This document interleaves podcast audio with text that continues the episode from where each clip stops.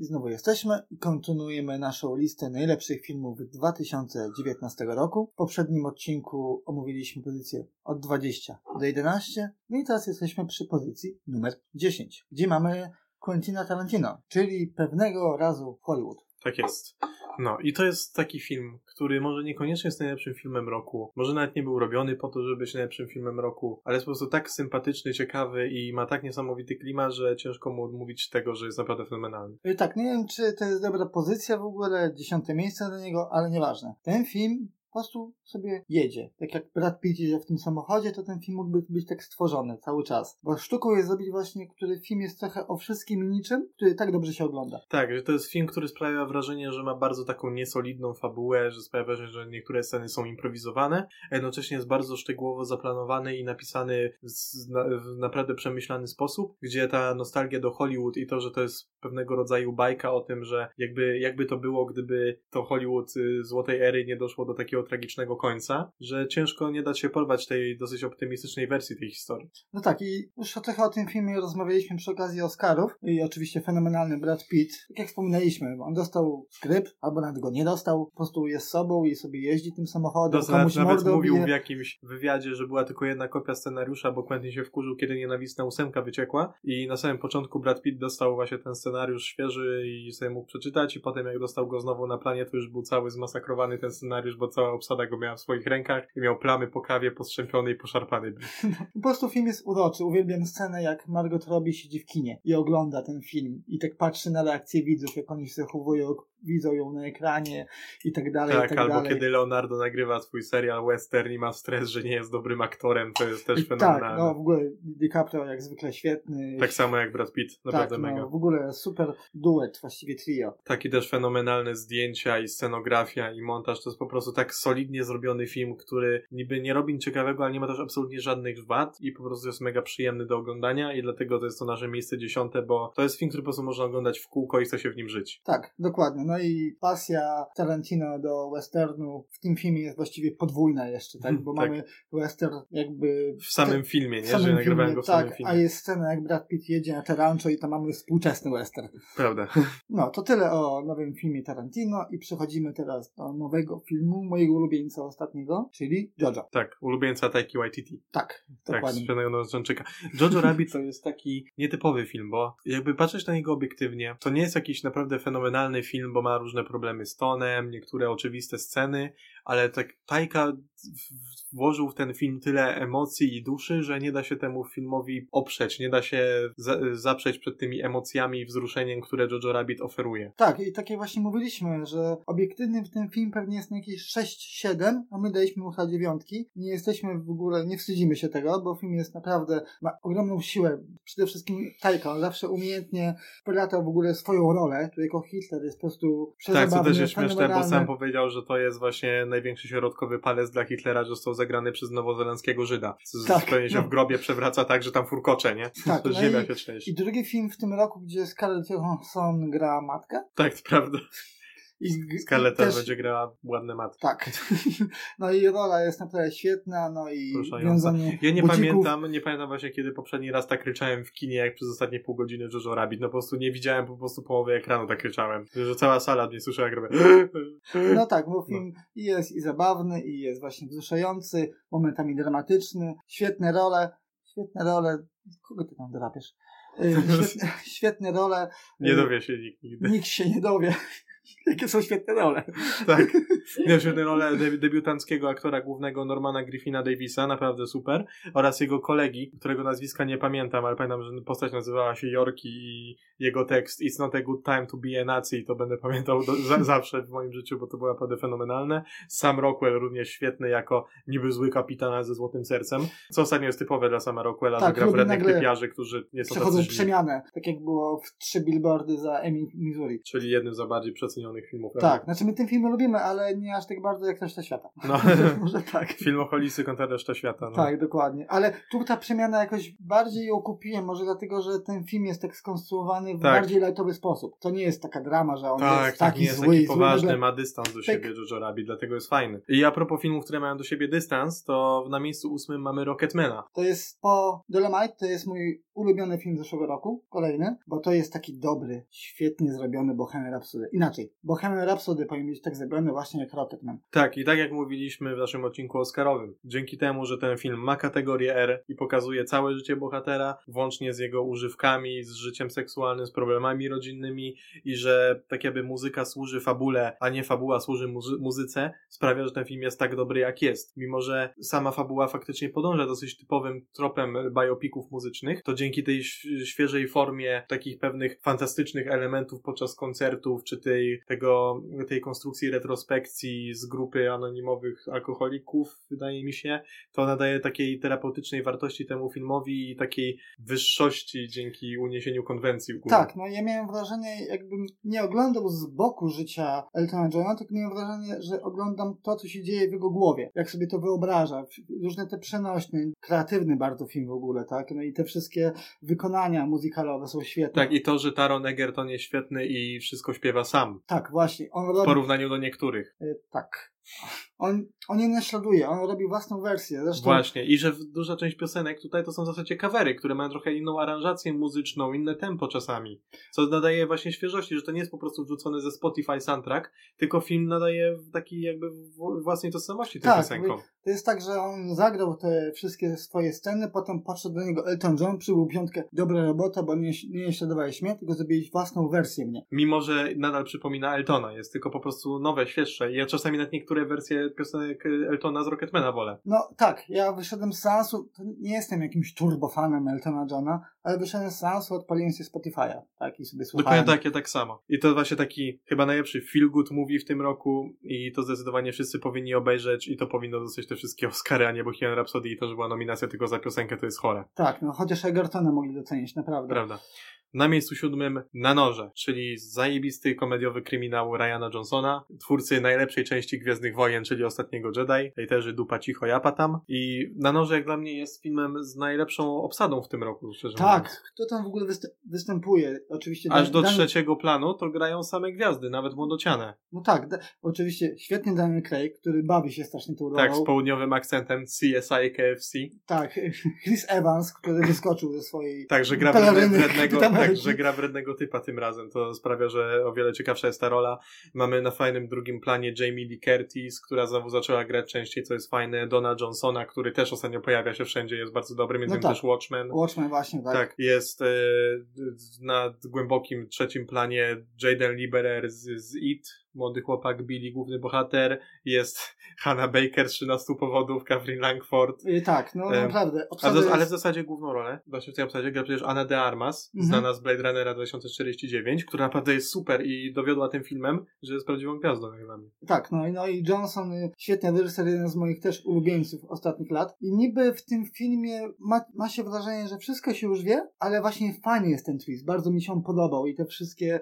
A jeszcze... Tak, bo to jest właśnie wyróżnia ten film, że dowiadujemy się, kto to zrobił dużo wcześniej niż zazwyczaj w tych filmach i cała intryga polega na tym, czy to bohaterowie się dowiedzą, kto to zrobił, a widz to wie. Kiedy Tak, no. właśnie zazwyczaj my wiemy mniej niż postaci, tutaj dużo, wiemy dużo więcej. Tak, no i rozwiązanie sprawy bardzo mi się podobało. No, świetnie jest skonstruowany film, zabawny przede wszystkim. Są nawiązania do Baby Drivera. Tak, jest nawiązane do Baby Driver, dlatego to jest aż tak wysoko na naszej liście. Bo nie wiem, czy wiecie, ale Kuby to jest ulubiony film. Bo to jest najlepszy film ever. Dawno o nim nie wspomnieliśmy w ogóle. No. Ale możecie na naszej stronie przeczytać recenzję Kuby. No, No oczywiście możecie, nie Możecie. musicie, ale się obrażę, jak nie przeczytacie. no, możecie wbijać moją stronę internetową filmoholicy.com.pl tak jest, mamy podwójny adres, bo jesteśmy światowi tacy.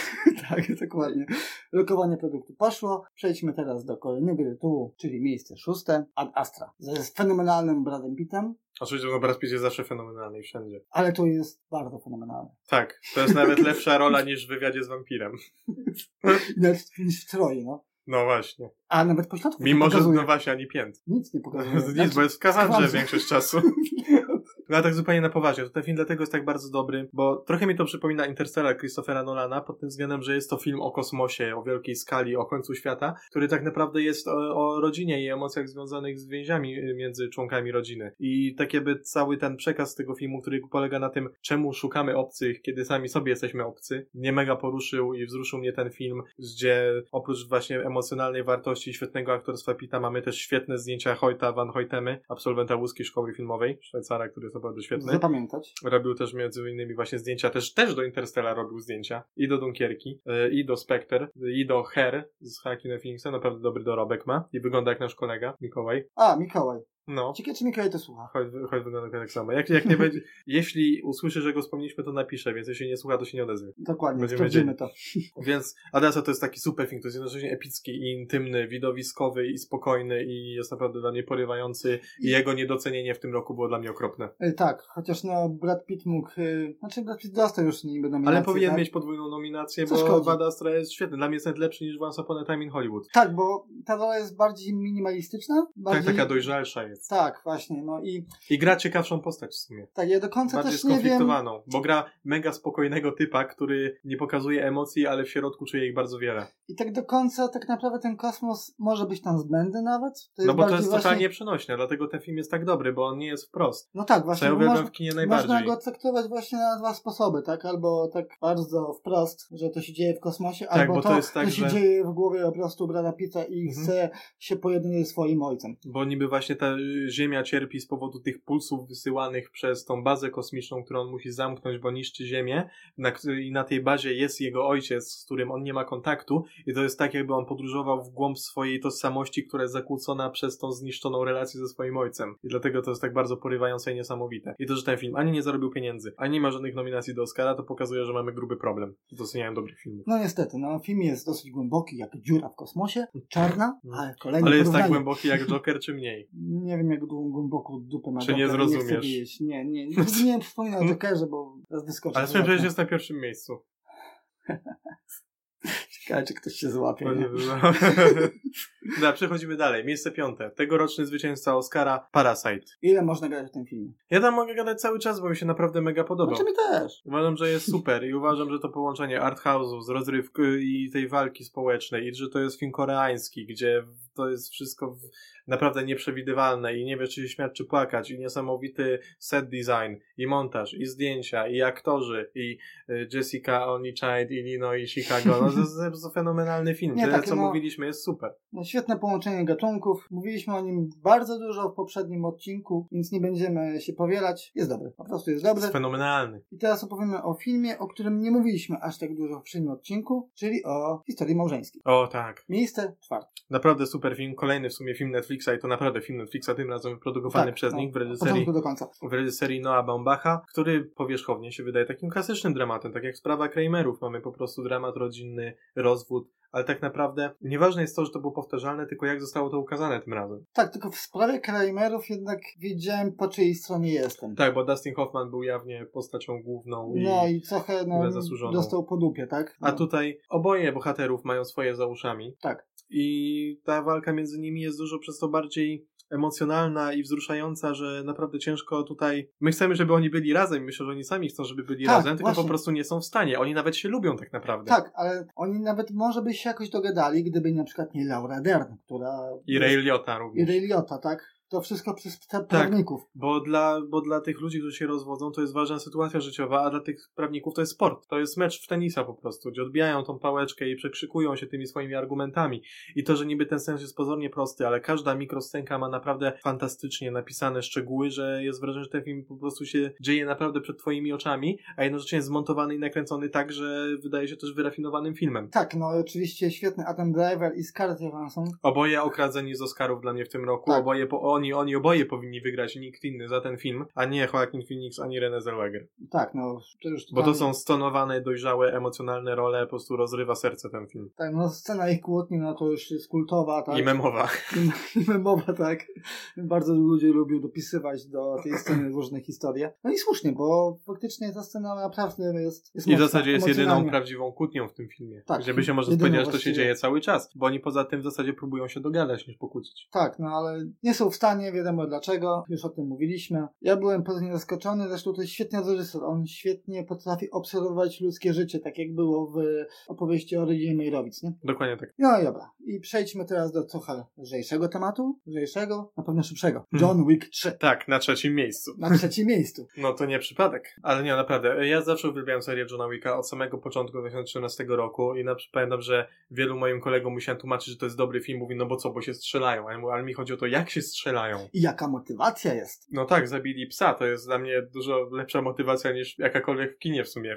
No, Ever. Tak, dokładnie. Po prostu kupuję tę motywację I w to, 100%. I to jak od pierwszej części ta seria się rozrosła z tym zwiększeniem budżetu, zwiększeniem skali świata, w dodaniu tych wszystkich niesamowitych elementów, Tak. że tak naprawdę tych zabójców jest masa, że jest cała gildia, hotel, ich własna waluta, to jest naprawdę tak Tak, fascynujące. Tak, to, to niby jest głupie. Cała ta gildia jest abstrakcyjna, ale ja to kupuję w 100%, no bo tak, kompletnie- tak jest y, film skonstruowany. To jest kompletnie nieprawdopodobne i dlatego jest takie cool. No bo po to mamy kino, żeby robić tak takie rzeczy. obejrzałem jedynkę spoko, obejrzałem dwójkę, ej, jest coraz fajniej. Jest tak myślę, nice. co zrobił w trzeciej części. A tu dowalili, jak zachowywał się zwierzęta. Jaki, jaka zajebista tresura tych psów i Psów kotów, i, kotów i koniu, koni. koni, koniów. Koniów.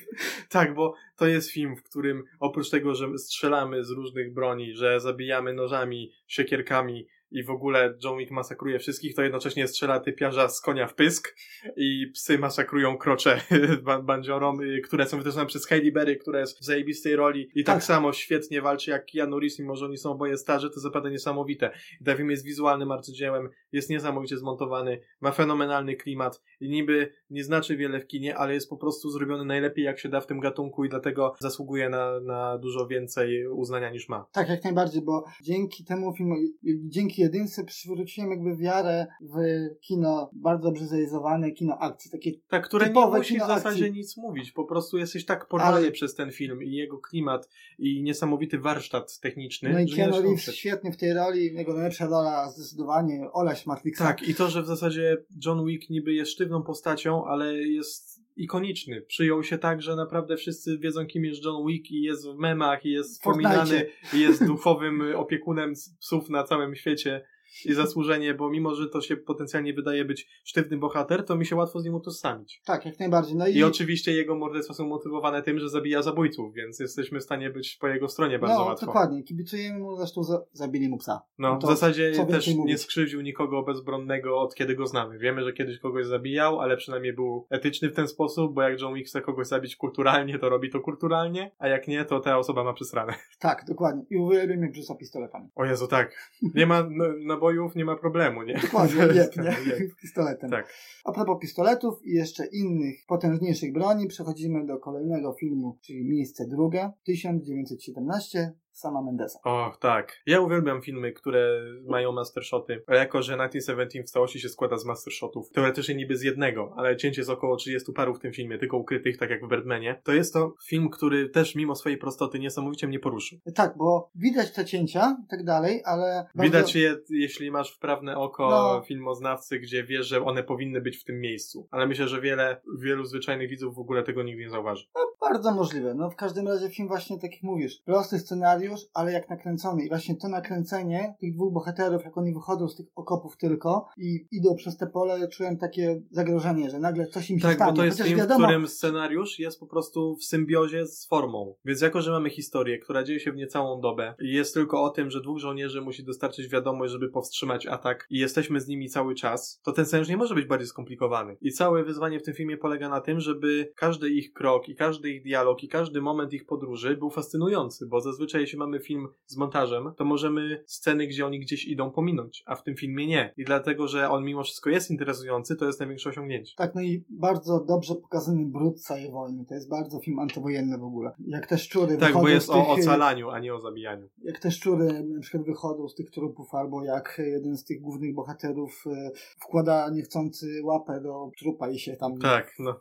No, obleśne, ale taka jest wojna, tak? Tak, Znaczy, ale jednocześnie to prawdopodobnie. jest na tyle obleśne, żeby cię a jednocześnie jest na tyle teatralne, żebyś miał z tego filmu mimo wszystko jakąś rozrywkę, bo gdyby filmy wojenne były e, zrobione tak, jak prawdziwa wojna wygląda, to cała widownia by chodziła, wychodziła z seansu z syndromem stresu pourazowego, więc mimo no tak. wszystko to jest takie dobre połączenie horroru z widowiskiem, że można się na tym filmie też dobrze bawić i wzruszyć jednocześnie. Tak, bo tam są, tak. są żarciki, między innymi przede wszystkim Minimalne, między tak. sobie tam żartują i tak dalej.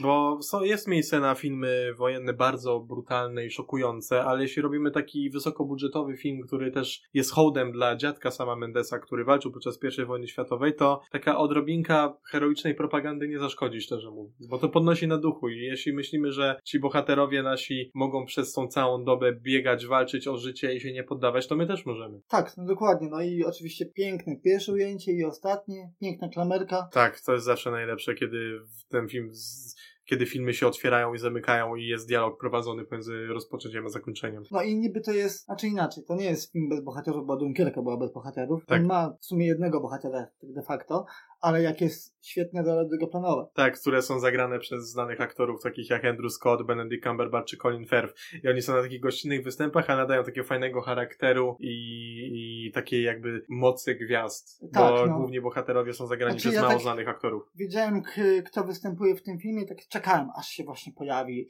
stronki i tak dalej. I to jest bardzo fajna konstrukcja, film się nie nudzi, naprawdę koniecznie. No ja byłem na nim w kinie trzy razy, dwa razy normalnie, raz w IMAX i myślę, że póki grałem to jeszcze czwarty raz bym poszedł, bo wiem, że na Blu-rayu w domu to nie będzie to samo.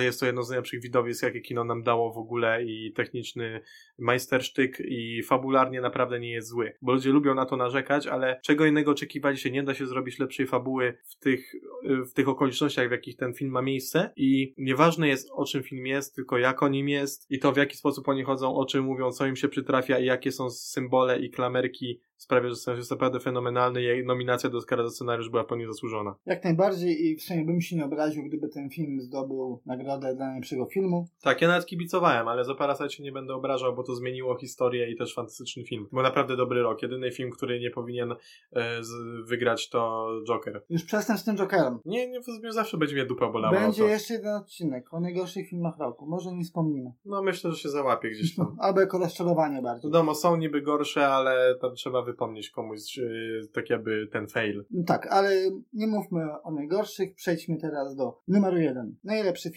2019 roku i największy film, który został olany na Oscar. Tak, czyli Tommy Jordana Pila. Jordan Peele to jest w ogóle dla nas fenomenalny gość. Uwielbiamy Uciekaj, który był naprawdę zaskoczeniem ogromnym ten film. To się zapowiada na zwyczajny horror, a zrobił taką furorę, że w ogóle miał nominację do Oscara za najlepszy film i dostał za najlepszy scenariusz. I As to jest według mnie film na tym samym poziomie i to, że on został olany kompletnie, to jest dla mnie jakiś koszmar. Tak, znaczy As mi to jeszcze bardziej mi się podobał. Mi też, bo jest dużo głębszy, mniej bezpośredni i opowiada o podobnych problemach właśnie rasizmu i przy okazji wrzuca w to jeszcze klasizm i takie sytuacje społeczne połączone ogólnie tak jakby z hierarchią człowieka i, i opisuje to za pomocą tym, że ci ludzie, którymi gardzimy, ci, którzy mają gorzej, którzy robią rewolucję, są dokładnie tacy sami, tacy sami jak my. No tak, no i oczywiście... To jest fenomenalny symbol. Dobra, jeszcze rozumiem w ogóle, tak, czaję, w ogóle dużo symboli jest w tym filmie, tak? On Oj, dużo, to jest do oglądania symbolami. Raz za razem, to można go no, na 10 razy wyciągać coś nowego. Ja spokojnie jeszcze raz ten film obejrzę, zresztą ty masz go chyba na Blu-rayu. Ale tak, zapamiętam. leci często u mnie w domu. Tak, więc jeszcze raz na pewno go zobaczę, jeszcze raz go zobaczę,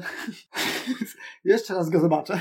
to się jeszcze raz go zobaczę, ale nie rozumiem, dlaczego ten film został na przykład pominięty w kategoriach technicznych. To jest jeden z najlepszych soundtracków ostatnich lat. Naprawdę. Oj, muzyka jest tak naprawdę fenomenalna, to jest taki klimat. Ja mógłbym sobie ustawić na dzwonek tą muzykę, gdyby to nie brzmiało creepy w miejscach publicznych. I oprócz tego zdjęcia są super. Operator Mike Giolaki zrobił zdjęcia, który jest bardzo dobrym operatorem, w sumie mało znanym na tym etapie, ale on na przykład robił te zdjęcia do Split i Glass, gdzie zdjęcia są jednym z najlepszych elementów w tych filmach. No tak, no. I tak samo Glass w As... mi się bardzo nie podobał, ale faktycznie wyglądał dobrze. Tak, tak, tak, I tak samo w As ta gra światło cieni, czy jak idzie jedna z tych postaci, widzimy cień nożyczek y, na podłodze, albo te mroczne korytarze, czy dom, czy ten czerwony kolor tych skafandrów wyłaniający się z ciemności naprawdę niesamowite. Montaż świetny, zwłaszcza biorąc pod uwagę, że cała główna obsada grała podwójne role. Y, tak, no właśnie. I tego w ogóle nie widać, yy, że naprawdę wygląda, jakby byli w jednym pomieszczeniu, nigdy nie widać żadnych dublerów. Fenomenalne efekty, jak na właśnie, niby minimalne efekty specjalne, Mhm. ale totalnie porywające. No i oczywiście Lupita Nyong'o, najlepsza rola żeńska w tym roku, gdzie była nominacja. Właśnie. Lupita tak zniszczyła Ona, tak, wszystkich. dokładnie, Zmasakrowała wszystkie aktorki, które żyły kiedykolwiek w tym filmie. Tak, i świetna rola,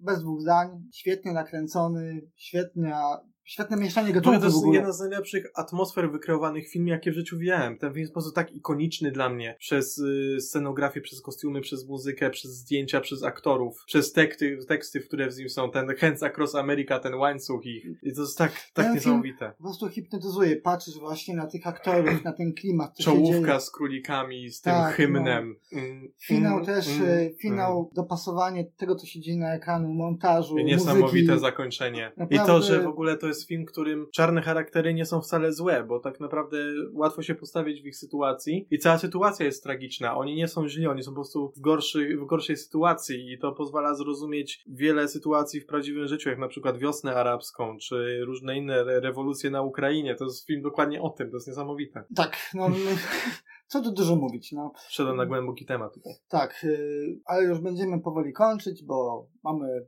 20, prawie pół godziny. Dobrnęliśmy do pierwszego miejsca naszego zestawienia. Możecie napisać w komentarzach, czy się z nami zgadzacie, czy się nie zgadzacie. Ale to my mamy rację, więc sorry, już tak jest po prostu. No tak, yy, no Kuba powiedział co wiedział, ale zachęcamy Was do, do słuchania, czytania nas. Do komentowania przede wszystkim, bo mało dyskusji mamy, trzeba więcej, my chętnie z wami podyskutujemy sami i do lajkowania naszego fanpage'a i do subskrybowania naszego kanału. Otóż tak, lokowanie produktu odhaczone? Odhaczone. A więc możemy się z Wami już żegnać.